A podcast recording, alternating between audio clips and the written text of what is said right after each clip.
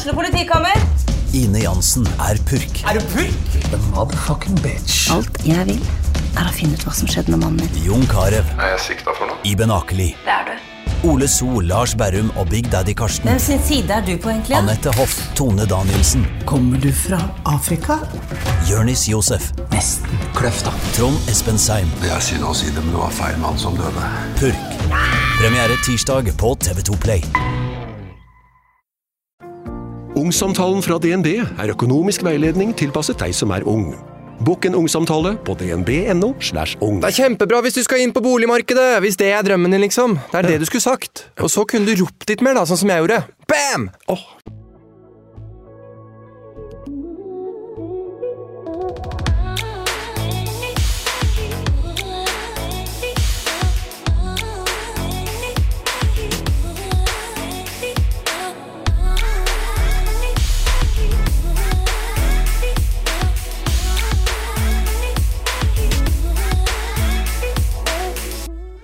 Forrige gang Ingrid gjesta podkasten, så snakka hun om hvordan det var å leve med en kreftsyk mamma. Denne gangen er historien annerledes. Mammaen til Ingrid har gått bort, og Ingrid forteller helt åpent, rått og brutalt om hvordan det har vært. Hun forteller om usikkerheten rundt fremtiden, hverdagen i ettertid, og hvordan hun har takla, og takler, den vonde sorgen.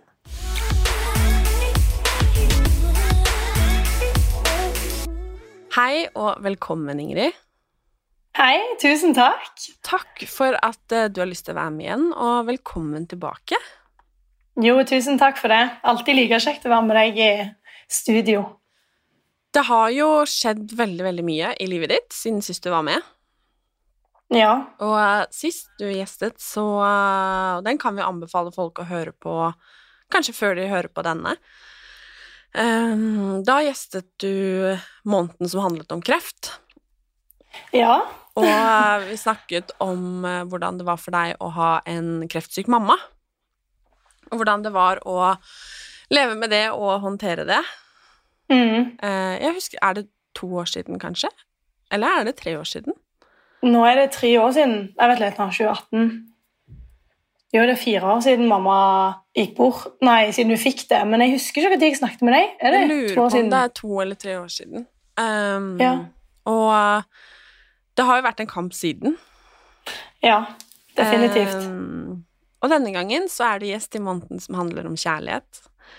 Mm. Uh, og det er kanskje litt uh, Litt eh, rart på mange måter, men jeg har liksom tenkt at kjærlighet det er jo så mangt, ikke sant, og det kommer i så mange former. Og man har jo ikke bare kjærlighet til en partner, sånn som du eksempel har for Henrik, liksom, eller en venn eller dyr eller sånn. Det er også en kjærlighet og Ja, for de som ikke er her også, tenker jeg. Ja, um, absolutt. Siden vi snakket sist, klarer du å dra oss gjennom hva som har, hva som har skjedd, og hvordan har veien vært siden da? Åh, ja. Det er jo mye som har skjedd på to år, da, sant? Um, men det var jo egentlig det at siden vi snakket sist, så fortsatte jeg å leve i denne her usikkerheten og denne her tida med på en måte sånn Hva kommer egentlig til å skje i framtida? At vi levde hver eneste dag med at hun på en måte var veldig syk. da. Um, og det var veldig tøft. Det gikk liksom opp og ned hele tida. Um, og jeg husker jeg syntes det var vanskelig å liksom få hverdagen av og til til å gå rundt med at jeg bor i Bergen, sant? og liksom Får jeg treffe henne nok? Får jeg liksom gjort nok ting da før hun på en måte eventuelt da skulle gå bort? sant? Ehm, men heldigvis så har jo meg og mamma eh, hatt masse tid sammen der vi har eh, reist på, til bl.a. Kroatia. Eh, og så har vi tilbrakt veldig mye tid sammen generelt, bare sånn sett film og liksom Vi var veldig flinke til å være sammen og ringes hver eneste dag på FaceTime. Så bare det å ta oppvasken for meg, det var liksom sånn Ok, jeg ringer bare mamma, jeg. Og så gjorde jeg det til nesten hver eneste anledning, så hun ble jo sikkert litt lei til slutt, men Um, så det gikk liksom veldig mye sånn Jeg følte hverdagen bare gikk, der vi var flinke til å bruke tid sammen sånn, så mye som vi kunne på avstand. Um, og så ble hun jo egentlig dårligere og dårligere, da. Og det var tøft. veldig tøft, faktisk. Um, så det som var greia, var at det kom på en måte litt plutselig òg når det kom i slutten. Fordi at um, vi var på ferie i Kroatia, sant? og så um, var hun egentlig veldig dårlig på den ferien, men det hadde jo vært litt sånn gradvis, kanskje i et par måneder uansett. Og så husker jeg liksom at det å se hun på ferie på en måte så dårlig, det var ganske tøft. Um, fordi at hun hun kunne liksom ikke hun kunne liksom ikke være seg sjøl helt, hvis du skjønner. Hun, hun sleit litt med å eh, være med på alt fordi at hun var sliten. Eh, og så husker jeg veldig godt en situasjon der vi var på stranda. da. Og så husker jeg at jeg sa sånn Har du lyst til å være med og bade? og så sa hun sånn Uff, nei, jeg liksom har ikke så lyst til det fordi hun hadde stomi. sant? Sånn pose som henger på magen da, med avføring. Og det kan jeg jo forstå. Sant? At liksom, det, er så, det, er ikke så, kult da, å gå og bade når du har den. Og det er lettere på en måte for oss utenifra å si sånn Ja, men det går fint, liksom. Men så er det de som står i det med denne stomien, som faktisk kjenner på at det er ikke så greit. Um, og det jeg husker skjedde da, var at jeg ble litt, sånn, litt lei meg, på en måte, for jeg hadde jo lyst til å bade med henne. Um, så jeg sa jo dette. Ja, ja, men det går fint. Og da husker jeg at hun sa sånn Ja, men det går ikke fint. um, og det var kanskje første gang um, der jeg husker hun sa liksom til meg litt sånn klart og tydelig om at liksom Nå har du litt feil, på en måte, som pårørende. sant? Fordi ofte så vil vi jo bare si støttende og positive og gode ting til dem. For vi, tenker, vi, vi, klarer ikke å være i den situasjonen de er i. Um, og da satte vi liksom litt på plass, og så tenkte jeg liksom Oi, liksom, det var faktisk litt teit av meg å si, for jeg vet liksom ikke helt hvordan det er for henne. da. Um, men um, jeg, jeg, var glad for at hun sa ifra på den måten òg, for veldig ofte så føler jeg mamma har kunnet vært sånn ja, liksom trosse liksom sine hemninger. da um, for å please kanskje oss rundt i en sånn situasjon der hun er så alvorlig syk med kreft. da. Så um, det var litt kult at hun endelig kunne si ifra, men jeg stoppet jo ikke der. Jeg maste jo fortsatt, da, så det endte jo faktisk med å bade. Uh, og der lå hun stakkar og bada med meg, men hun koste seg, da. Um, og det med stomien tror jeg hun skjønte liksom, var liksom egentlig ikke et problem når hun først var ute i vannet. Så um, ja, det var liksom litt sånne situasjoner da, der vi var på ferie der jeg følte på en måte at denne kreften var veldig sånn dominerende. Um, jeg kunne av og til for ligge og sole meg, og så kunne jeg se at hun lå der og var litt sånn ensomme. Um, og da husker jeg at jeg tenkte sånn eh, Stakkar liksom hele tida, at jeg syntes veldig synd på henne. Um, så da uh, kom det av og til noen tårer. og i solsenga, da, fordi at jeg skulle ønske at hun ikke hadde det sånn på ferie. Mm. Så Ja. Så teit. Jeg, sånn, jeg blir så emosjonell, men uh, Det skjønner jeg, det er helt lov, Ingrid. Ja. du har jo egentlig så. ikke snakka Du har jo delt veldig fint om det på Instagram og sånn, men du har jo egentlig ikke snakka høyt om det før. Har du det? Nei, ikke så mye sånn som dette, da, i litt mer i detaljer liksom, på hvordan det egentlig var. Um, for en ting er på en måte det folk ser utenfra, men en, ting, en, annen ting er jo det du går og kjenner på sjøl. Jeg kunne gjerne ta fine bilder fra Kroatia-turen, men egentlig var det kanskje veldig tungt. sant? Og det er der jeg skulle ønske at jeg kunne være enda flinkere og dele litt mer sånn i dybden på ting. For det er jo det som folk ofte kan relatere til. Men uh, ja, nei, så kom jeg jo hjem ifra denne turen da i oktober i 2021, så det er sånn, det er jo et par måneder siden. Eller nå er det vel egentlig snart et år siden. og da, og da um, jeg husker at hun ble egentlig bare lagt inn på sykehuset, for hun var veldig dårlig. Og da hadde hun jo veldig høy CRP. Um, og så husker jeg at hun fikk fri for å reise på København-tur med pappa og noen andre i familien. Um, og på den turen der så gikk hun jo med jeg tror det var over 500 i CRP, eller noe sånt, så hun var jo veldig dårlig. Ja. Så det er ganske crazy. Men hun gjorde jo dette fordi hun garantert visste at det var slutten. sant? Tenker jeg nå i ettertid, da, at hun, hun trossa så mange ting der hun hadde vondt for å få det med seg. da. Um, så ja, det var er liksom, Jeg er glad for at hun gjorde det, men samtidig så syns jeg òg veldig sånn synd på henne en måte at hun har klart å gjøre det. Jeg kan ikke forstå at hun har klart det. Um, så etter denne uh, København-turen, da, så ble hun lagt inn på sykehuset. Og dette var da i november 2021. Og siden den gang så gikk det egentlig bare nedover. Um, og da var det veldig mye tid inne på sykehuset sammen med hun. Eh, veldig mye pendling fra Bergen. Um, ja, og så var det veldig sånn utrygg, utrygge perioder, liksom, for du visste, du visste hva som egentlig skulle skje. At hun kom til å gå bort, men du, du, ville på en måte ikke innse det heller, så du gikk rundt og bare um, lata som altså, Jeg følte at jeg svevde litt på ei boble i den perioden der jeg var sånn Dette fikser vi. liksom var veldig positiv til alt, da, selv om det var kanskje den perioden jeg skulle ha vært ja, Kanskje hatt det jævligst, hvis du skjønner, sånn, i hele mitt liv.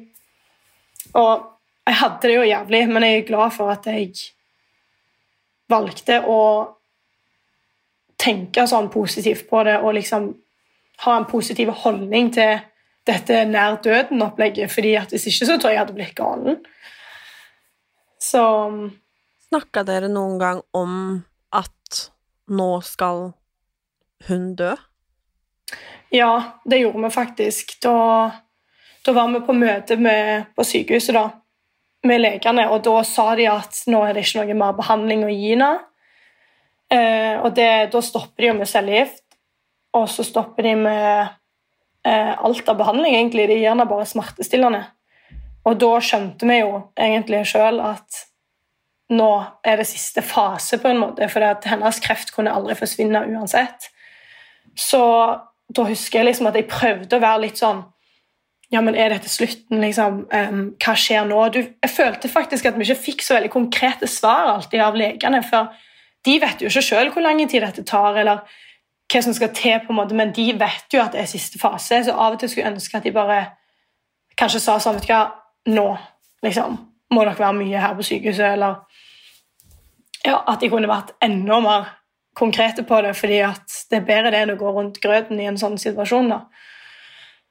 Men uh, heldigvis så skjønte vi det veldig godt sjøl at ok, vi må bare liksom samle alt av sånn mot vi har, og så må vi bruke så mye tid vi kan med det, um, og bare være der for henne. Så um, gikk det liksom bare sin gang, egentlig, med at ja, vi var masse på sykehuset, og jeg følte at jeg ikke var til stede i mitt eget hode. Mm. Kan jeg spørre hvordan det var å i en så vanskelig og tung eh, periode um, mm. og skulle eksempel også fungere som partner og kjæreste. Eh, hvordan har det vært for dere? Altså, hvordan har det egentlig vært med kjærligheten, liksom? Ja, det var veldig vanskelig, faktisk. Um, jeg husker at jeg var veldig flink til å fortelle Henrik om at Eh, nå liksom er det siste fase her, og jeg må være mye hjemme. Um, og jeg er emosjonelt ikke helt liksom, Jeg var akkurat som en ja, Jeg følte meg, følte, følte meg liksom et vrak, egentlig, et følelsesmessig vrak, da, at jeg ikke hadde kontroll på noen ting. Så jeg var veldig flink til å snakke med han om de tingene, og han hadde jo full forståelse for det. Um, og det setter jeg veldig stor pris på i dag, at han uh, tok seg fri fra jobb for å være med meg hjem, for å være på sykehuset. Um, og så tok han liksom Han var masse, masse med meg, da. Han passet på meg og trøsta meg og fikk meg til å føle meg bra hele tida i en så jævlig situasjon. Men det var jo vanskelig å være der for han òg, for han hadde gjerne sine ting utenom. På privaten som var tøft for han, så skulle jeg liksom jeg følte at jeg var litt egoistisk fordi at det handla så mye om meg og den situasjonen vi sto i som familie. liksom. At jeg følte at han kanskje ble litt glemt da, fordi at jeg var egoistisk. um, men um, med god kommunikasjon da, så har vi jo kommet oss gjennom det veldig greit. Og han har som sagt full forståelse for det. Og jeg tror bare han var veldig glad for å kunne ta del i dette sjøl òg, for han brydde seg jo om mamma, sant? så han og oss i familien, så han fikk nok òg på en måte ja, følt at han fikk ta del i dette, han òg, liksom. For han, det er jo en sorg for han òg. Så ja. Hvordan gikk det fra denne beskjeden eh, fra legen? Hva skjedde etter det? Um, da husker jeg at vi var veldig mye familien inn og ut på sykehuset. Uh, og egentlig så følte jeg at vi ikke snakket så mye om døden da. Det er litt rart, men mamma lå egentlig bare i senga hele dagen og kasta opp seriøst konstant hvert kvarter. Jeg har aldri sett noen kaste opp så mye før i hele mitt liv. Uh, så hun var jo konstant dårlig i flere uker eh, og raste ned i vekt fordi hun fikk ikke i seg mat og ja, kasta egentlig bare alt opp igjen pga. kroppen sin reaksjon på kreften da, og ikke få medisin. Så det å se hun på en måte bare ligge der i senga hele tida, det var helt forferdelig. For du så liksom for hver gang du kom inn på besøk, da, så så du at dette liksom, dette går bare nedover, da, liksom. Og så visste du ikke hva du skulle gjøre for å kunne hjelpe sjøl. Og så visste du at legene og sykepleierne heller ikke kunne gjøre noe, så de var jo på en måte bare der og De var flinke, mange av de i den situasjonen, og trøsta oss og liksom kom med mat til og passet på sånne menneskelige behov. Men du følte òg at de ikke bidro helt heller. For at, liksom, kom igjen, gi jo litt medisin til, eller bare gjør noe. liksom, for at hun ikke skal ha det bra. Så det var liksom eh, Ja, det var veldig rart, egentlig. Og jeg husker òg at jeg hadde veldig problemer med å liksom, gå fra sykehuset og forlate henne, fordi at jeg var redd for at det skulle være siste gangen. Så det var, det var en ganske tøff periode. Og jeg husker òg at vi hadde mange diskusjoner med sykepleierne om hvorfor hun spydde så mye. Kan det ikke være så snill å gi henne noe kvalme, liksom, dempende Hvorfor, liksom? Men vi fikk ikke så mye svar, for de visste ikke sjøl alltid. For de hadde på en måte sjekket ut ting med henne. Men sånn, det, måte, det, er egentlig rett og slett så enkelt som at det var hennes måte å reagere på uten medisin. da. Eh, så ja, var, det, var veldig tåre, det var veldig mye tårer i de periodene, og veldig mye fine samtaler om livet. Um, og så var det liksom Ja, jeg husker at jeg var på sykehuset flere døgn uten å nesten sove fordi at jeg hadde ikke lyst til å gå fra henne. Og i slutten så begynte hun å bli såpass ærlig at hun sa liksom 'Ingrid, jeg vil ikke at du skal gå.' Og hus. Ja. Hun pleide liksom aldri å si sånn, for hun tenkte liksom alltid på alle andre sitt beste, da. Så hun Jeg kunne liksom si sånn Ja, ja, men bare gå. liksom Slapp av. Jeg klarer meg. Sånn var hun som person. Mens i slutten så sa hun sånn at hun ikke ville jeg skulle gå. Og hvis jeg bare skulle gå og hente litt lunsj liksom, eller spise litt mat, så sa hun òg ikke være lenge vekke. Så det var liksom vanskelig å gå ifra sykehuset, da. Eh, men eh, jeg måtte jo det av og til, og det var, var hjerteskjærende. For jeg visste at jeg trengte å komme meg ut derfra, for du blir litt galen av å bruke så mye tid inne på sykehuset. Så trenger du på en måte litt tid å bare tenke og være litt, koble litt av, egentlig.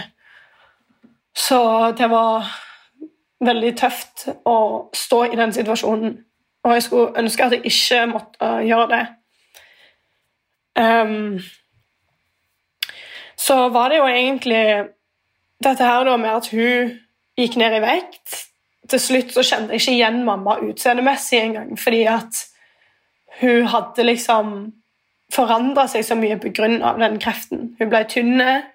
Jeg kunne se ribbeina hennes. Jeg kunne se alt av knokler på henne. Um, og så øynene, liksom. Alt bare forandra seg. Og det var så vondt å se, fordi når hun så på seg sjøl òg, så syntes hun liksom ingenting om det. Hun følte seg ikke fine. Ja, så det var, det var intenst. Og til slutt da, så begynte jo denne diskusjonen da med legene om døden, liksom. Og da var det Hvordan vil vi liksom at den siste fasen skal være? Hvordan vil mamma at det skal være? Og det var så rart, fordi vi satt og snakket om dette med hun, liksom. Jeg føler nesten at det er sånne ting du skal snakke om når de ikke hører på. Men eh, det er jo selvfølgelig sånn det blir når man er så syk og vet at du liksom skal dø. Da. At det er òg en del av den prosessen. Så da husker jeg at hun under de samtalene med legene og sånn ikke alltid var til stede. Hun var liksom, er akkurat som sonte litt ut og prøvde liksom av og til å um, si meningene sine og henge med. Og hun var jo god på det mange ganger, men når jeg tenker tilbake på det, så føler jeg ikke hun var helt til stede. Um, så det var veldig spesielt, egentlig. Det var ja, alt ifra om vi skulle være hjemme når hun skulle gå bort, eller om vi skulle være på sykehuset litt hvordan denne fasen kommer til å skje med, med, i form av medisinering på henne. Eh, hvordan det var for oss pårørende å stå i en sånn situasjon. Det var masse samtaler hele tida om det. Og så føltes det på en måte så u, liksom, urealistisk òg, for det var sånn Det føltes ut som vi skulle snakket om det foran, altså at det var mitt, altså at det skulle skje med meg. liksom. Det var så rart, for hun var jo levende. Det er helt sykt å si, men hun var jo, hun levde jo, liksom. Og det å sitte og diskutere sånne ting, det er veldig rart. Så bestemte vi oss jo da for at det skulle være eh, hjemmedød. Um, og da var det på en måte egentlig bare til å gjøre ting klart for det. da, Og få liksom hjemmesykepleie til å komme. Vi måtte få ei seng levert hjem. Og ja, Nei, det var veldig rart, hele opplegget, egentlig. Hvordan var det å forberede sin egen mammas død? Hva sa du? Hvordan var det å forberede sin egen mammas død på den måten? Det var helt forferdelig. Jeg, jeg kan ikke forstå at jeg har klart å komme igjennom den situasjonen. Fordi at jeg, som sagt, jeg tror jeg bare var i en boble der jeg prøvde å tenke at dette fikser vi. Eh, vi må bare gjøre alt for at hun skal ha det bra. Eh, men egentlig så skjønner jeg ikke at jeg har klart å tenke sånn eller handle sånn, men jeg tror det bare skjer naturlig med sånn et instinkt, da, fordi du er så glad i den personen og har så mye kjærlighet for, for den personen. Så det var faktisk helt ærlig, det var helt jævlig. Det er kanskje noe av det, det, det er nok det tøffeste jeg sikkert kommer til å ha gått igjennom noen gang. Så, så, det Ja, du var liksom redd for at ikke ting skulle være bra nok og hele tida. Tenk hvis hun ikke liker dette, eller tenk hvis hun egentlig ikke vil ha det sånn. Og så kunne du gjerne spørre henne om ting, men hun var liksom ikke til stede heller på et tidspunkt. Um, så vi var egentlig bare på sykehuset fram til hun liksom Ja, rett og slett bare lå i senga der inne òg og ikke klarte å gå på toalettet lenger eller spise. Så de ga henne sånn sondemat på sånne poser, men det ble jo òg dårlig av, så de måtte stoppe med det. Og da var det ingenting mer mat å få i henne igjen. Og alle vet jo at for at vi skal klare å leve, så må vi ha masse mat og næring, da, og vann og ja. Så da var det bare å komme oss hjem. Og da husker jeg at jeg reiste litt til Bergen for å koble av i den perioden der imellom sykehuset, og at hun kom hjem. da. Og Det var grusomt, og det angrer jeg på. For på den uka der så satt jeg egentlig bare og tenkte på henne, selv om det var godt å få kobla av. Men så var det òg det at når jeg først kom hjem da, og så i stua at her er det ei seng, liksom, sykeseng. Og at hun kom hjem den dagen og skulle ligge oppi der, det var en stor overgang fra å se henne på sykehuset bare i en seng. For da skjønte du at ok, nå liksom, nå er det ikke mange dager, uker igjen før hun ikke er her. Så husker jeg at um, hun kom hjem, og at da begynte møtene hjemme med hjemmesykepleien og pal mobilt palliativt team som styrer medisineringen hennes og sånne ting. Det var liksom masse samtaler med de, og um, jeg følte at det gikk veldig fort fra null til 100 på en måte at hun kom hjem, og så kunne vi snakke med henne og ha fine samtaler med henne i et par dager.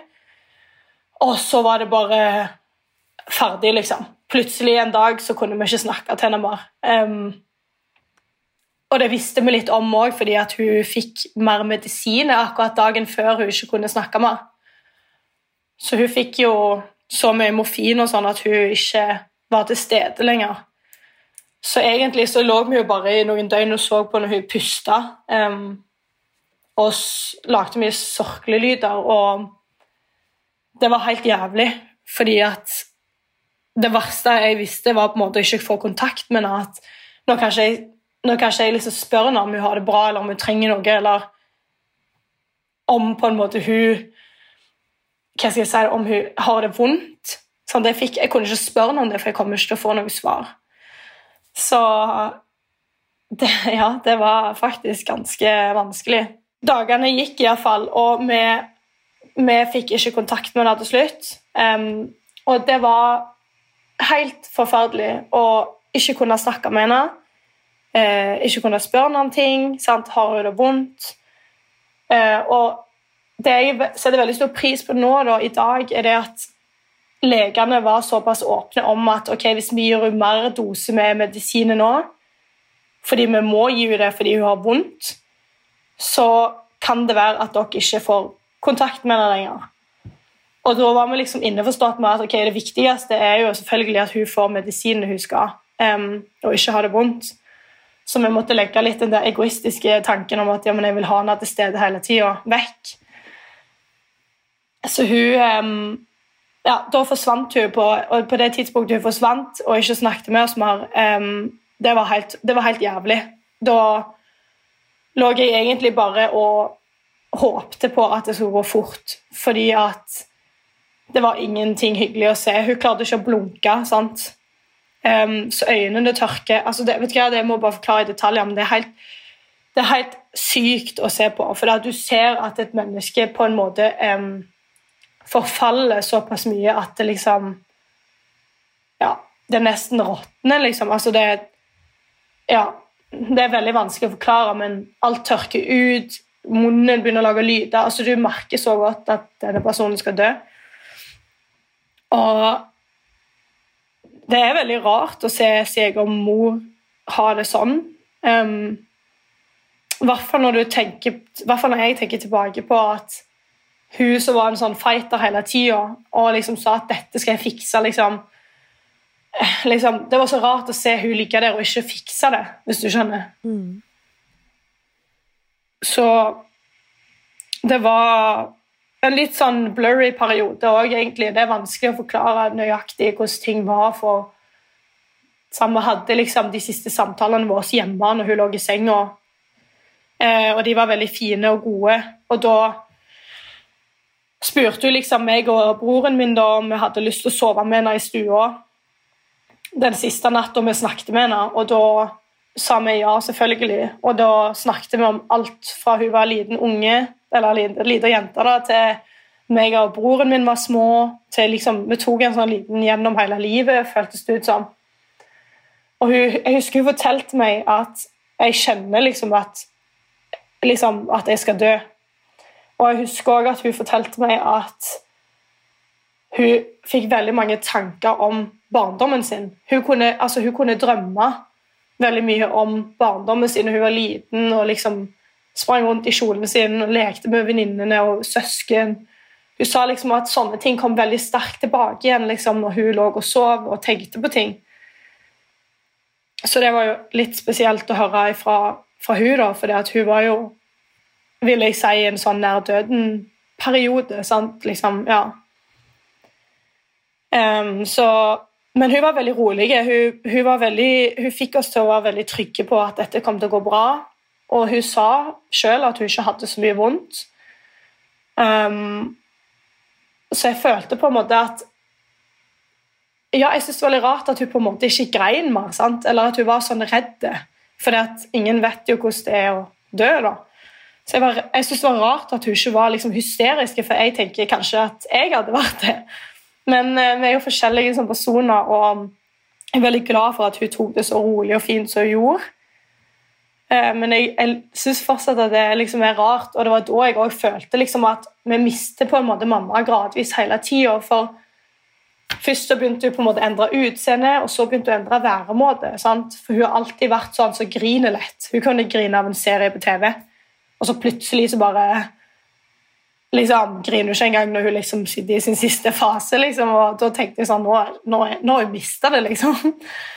Um, men eh, ja, så fikk jeg jo masse medisiner, da, og da fikk vi ikke kontakt med henne mer. Og da var det egentlig bare å prøve å snakke til henne og kose på henne være veldig mye sånn berøring. Sant? At man liksom viser at man er her, selv om du ikke får noen respons. Så var det litt ubehagelig noen ganger, for det var veldig stille og fredfullt hjemme. Det, men det som var ubehagelig med det, var at plutselig så kunne det komme et sånn et lite stønn fra mamma. Og da fikk jeg panikk, fordi jeg ville jo ikke at hun skulle ha det vondt. Og det var det første jeg tenkte, at nei, nå har hun det vondt. da. Um, men utenom det så var det veldig fint å være hjemme. Vi hadde tent masse lys, og liksom, vi spiste mat med henne og fortalte hele tida hva vi gjorde, da, sånn at hun forhåpentligvis tok en del av det da, og kunne høre oss. da. Så husker jeg helt sånn Plutselig, en av de dagen før hun døde, så gikk hun Så kvikna hun til, liksom. Da skulle hun plutselig sette seg opp. Og da tenkte jeg sånn Gud, hvordan skal dette gå, liksom? Uh, for da hadde ikke vi hatt kontakt med henne på en, et døgn og to. liksom. Nei, Da skulle hun sette seg opp, og hun hadde så lyst på snop, så hun satt i senga liksom, i stua og pekte mot godteriskuffa oppe på kjøkkenet. og jeg husker jeg tenkte sånn Hæ? Så begynte jeg å liksom grine og le og alt samtidig. Jeg bare, du skal få snop, liksom. Så gikk jeg opp i godteriskuffa og fant sånn lakriskule for hun elska lakris. Og så tok hun hele kula i munnen, og jeg tenkte sånn Nei, nei, nei, nei. du kommer til å sette deg i halsen, liksom. For hun har ikke spist på flere uker. Og liksom begynte å tulle. Sa liksom sånn til pappa sånn at han måtte ja, sa et eller annet om han måtte ikke tøffe seg. Liksom, han kunne ikke ta fra henne lakrisen, liksom. Og, ja, det var veldig spesielt. Og så gikk det kanskje ti minutter, kvarter, og så bare slukna hun igjen. egentlig. Og det var kanskje det siste liksom, vi fikk sett av noe fysisk, liksom, der hun bevegde seg eller snakket. da. Og så Ja, det var veldig spesielt. Jeg, det er faktisk helt sykt at jeg, uh, at jeg har klart å gå gjennom det, føler jeg sjøl. Mm. Altså, det er nesten Ja. Det, jeg kan ikke forestille meg hva du har gått gjennom engang. Nei, det er helt uvirkelig.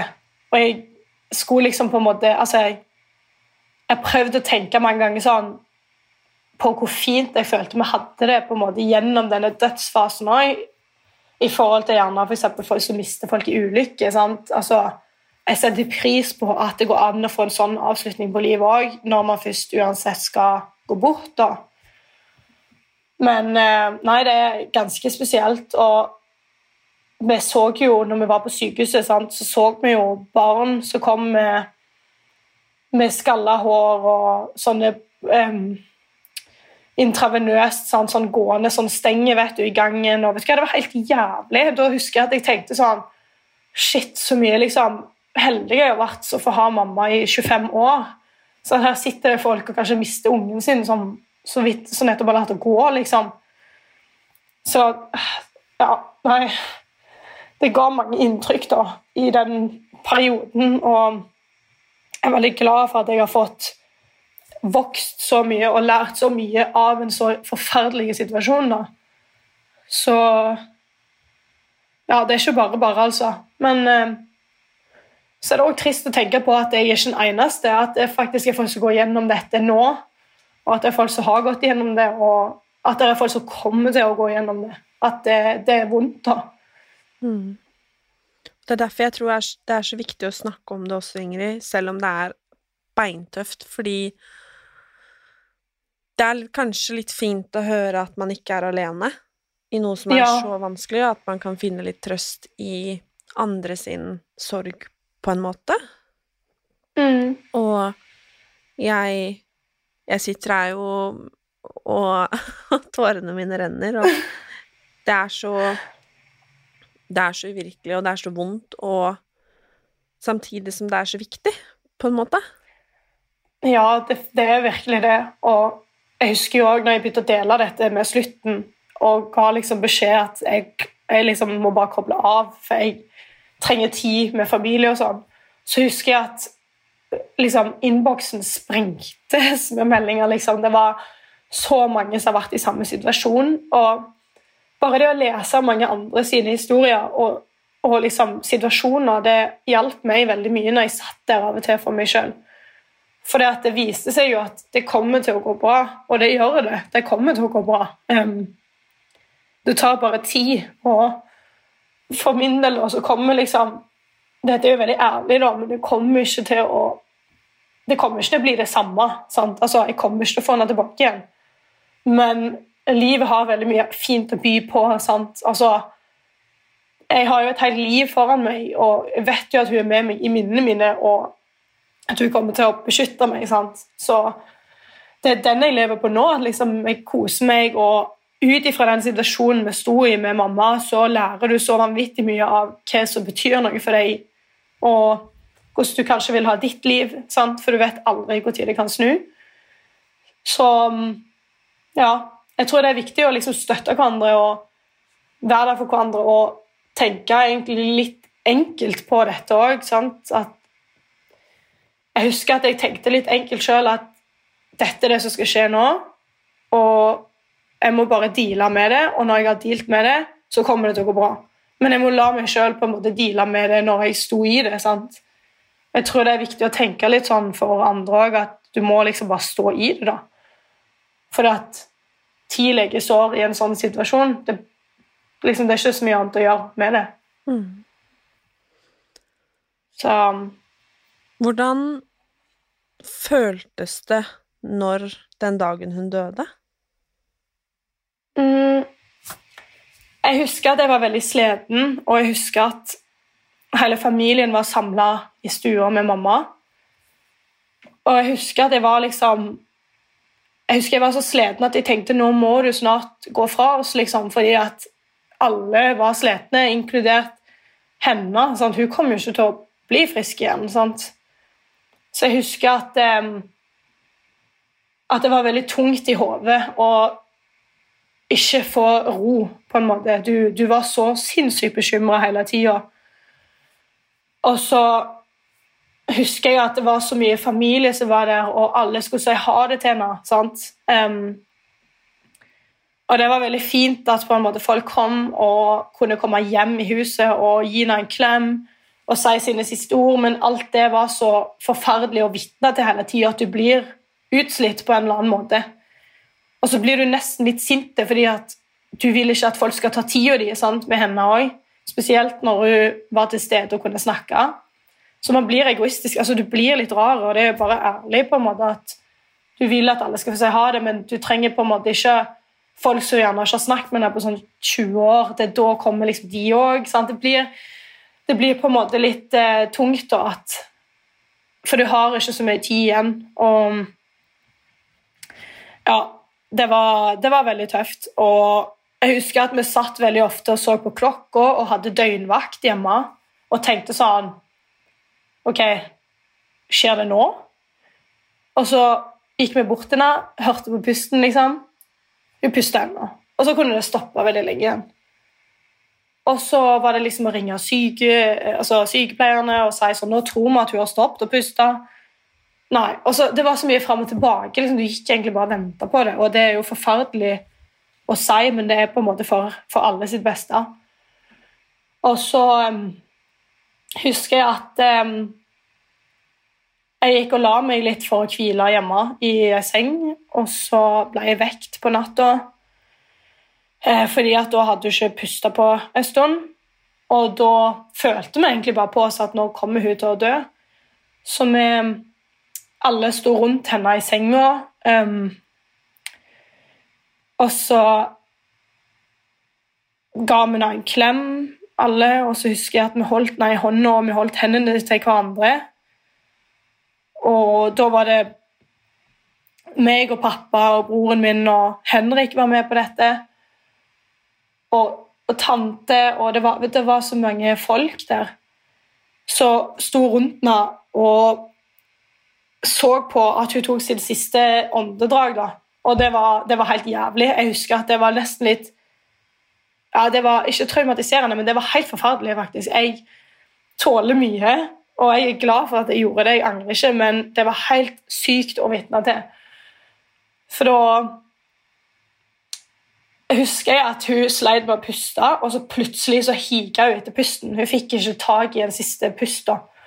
Og da husker jeg at jeg bare ja, knakk sammen, da, fordi at jeg syntes det var så grusomt. For da skjønte jeg at ok, nå, nå, snår hun vekke, da. Og så var det bare stille etter det, egentlig. Veldig lenge. Og alle var liksom litt letta. Jeg husker spesielt jeg kjente at jeg var litt letta for at det skjedde, på en måte, men så var det òg så jævlig vondt, da, fordi at du ville jo ikke at du skulle gå bort. Og det var sånn rar stemning i huset. Det var sånn ja, En lettelse, men òg en fin ro, da. Og så begynte liksom kaos igjen. Og da var det liksom planlegging av begravelse. Vi skulle kontakte begravelsesbyrå, og så kom de og pakket henne inn hjemme i stua. Så det var liksom mange ting som skjedde, men var, alt ble skjedd på en fin måte. altså Veldig naturlig. Men det er veldig rart å stå ved siden av og se på. Og jeg husker at vi fikk spørsmål fra begravelsesbyrået om vi hadde lyst til å ha henne liksom i senga bare i natt, liksom, for dette skjedde om natta. Vi ville ha henne liksom til morgenen, sånn at vi kunne bare, bare se henne litt til. liksom. Og det husker jeg at vi sa ja til. Så da satt vi der og mimra og grein og lo, og det var veldig sånn berg-og-dal-bane følelser. Og så var det da sykepleieren sin tur til å komme, og de um, spurte om jeg hadde lyst til å være med og stelle henne. da. Og det sa jeg ja til, så jeg var med og kledde på henne og pynte henne og sånne ting sånn hun skulle være i kista si. da. Og det er sikkert mange som syns kanskje kan være litt sprøtt, men eh, ja, jeg følte at det var liksom verdt det for meg og verdig for henne at jeg var med da, og gjorde henne fin. da. Og så ble hun kjørt egentlig bort da, med en sånn bil utenfor huset med kiste og alt som hadde blitt lagt oppi, da, til begravelsesbyrået. Så det, var, det, var, det er veldig rart, egentlig, hele situasjonen. Jeg, jeg, visste ikke at det skulle bli sånn, heldigvis, men nå i ettertid så er jeg veldig glad for at det var sånn det ble gjort, for det var veldig, veldig verdig og veldig fint. Og jeg er veldig glad for at vi gjorde det hjemme og ikke på sykehuset. At hun fikk være hjemme disse dagene og føle seg hjemme, liksom. Og ja. Så hvordan Det høres Altså, jeg vet jo nesten ikke hva jeg skal si, fordi det finnes jo egentlig ikke, ikke ord. Um, hvordan har du det nå? Mm, nå er det jo et halvt år siden dette skjedde, og um, jeg har det ganske tøft. I perioder. Så liksom Ja. Det går bra med meg, og jeg klarer å få liksom, hverdagen til å gå rundt, men eh, Jeg kommer alltid til å savne henne, da. Eh, og den følelsen av at du ikke kan snakke med henne eller ringe til henne eller få råd eller klem eller bare, bare alt sånn hverdagslige ting At det ikke kommer til å skje en eneste gang til, det er veldig tungt, da. Og så er det veldig rart å tenke på at framtida mi skal være uten da. At den dagen jeg kanskje får unge eller gifter meg, så skal ikke hun være der. Hun Jeg håper jo at hun kommer til å være med meg, men det blir litt sånn det, liksom, Hun kommer jo ikke til å være der fysisk med meg. sant? Og sånne ting syns jeg er tungt. Og av og til så kan jeg få litt sånn Ha dager der jeg har dårlige dager, der jeg tenker ekstra mye på sånne ting. Uh, og så kan jeg ha veldig gode dager der jeg ikke tenker så mye på henne, men litt alltid tenker på henne, men at jeg klarer meg helt fint, liksom. Um, og det har heldigvis blitt mindre av de veldig vonde dagene. Og det, det er bare tid som rett og slett leger sår der. Og jeg tror òg at det å ha vært så åpen med familie og følgere og Henrik og alt egentlig har gjort at jeg har klart å håndtere det bra. At jeg har Jeg vet ikke hvordan jeg skal forklare, men jeg føler på en måte at det å ha delt ting, det gjør at du letter litt på det du sitter med innvendig. da. Så den sorgen jeg har nå, den har jeg egentlig levd med i fire år, men han ble realistisk når det skjedde, sant? når hun først gikk bort. Så det svinger veldig ennå, det gjør det, og jeg er veldig glad for at jeg lar meg sjøl kjenne på det av og til. Liksom grine litt ekstra, se på bilder av henne og Ja. Men det er tungt. Så Det skjønner jeg, Ingrid. Jeg uh... Ja, nei. Det er helt forferdelig. Og jeg er beundrer deg så stort, da, for at du har klart å så stå så støtt som det du har gjort, og det er eh, For å si det sånn, jeg er helt sikker på at hun er superstolt av deg. og det har hun all grunn til i hele verden. Ja, jeg eh, tror virkelig òg at hun er det. Jeg, jeg, vet jo at hun er det. Hun sa jo det til meg hele tida. Og så eh, har jeg jo Sånn som for eksempel hjemme her, da, siden jeg bor i Bergen, som er et stykke fra der hun er begravd, så jeg har jo et sånt bilde bak på Eller med TV-en på en sånn benk, og så har jeg lys der, så jeg pleier å tenne. Og det syns jeg er veldig koselig å gjøre for å liksom føle at jeg på en måte ja, viser at jeg tenker på henne ennå, eller at bare for min egen del, egentlig. Eh, og så ser jeg ofte på bildet.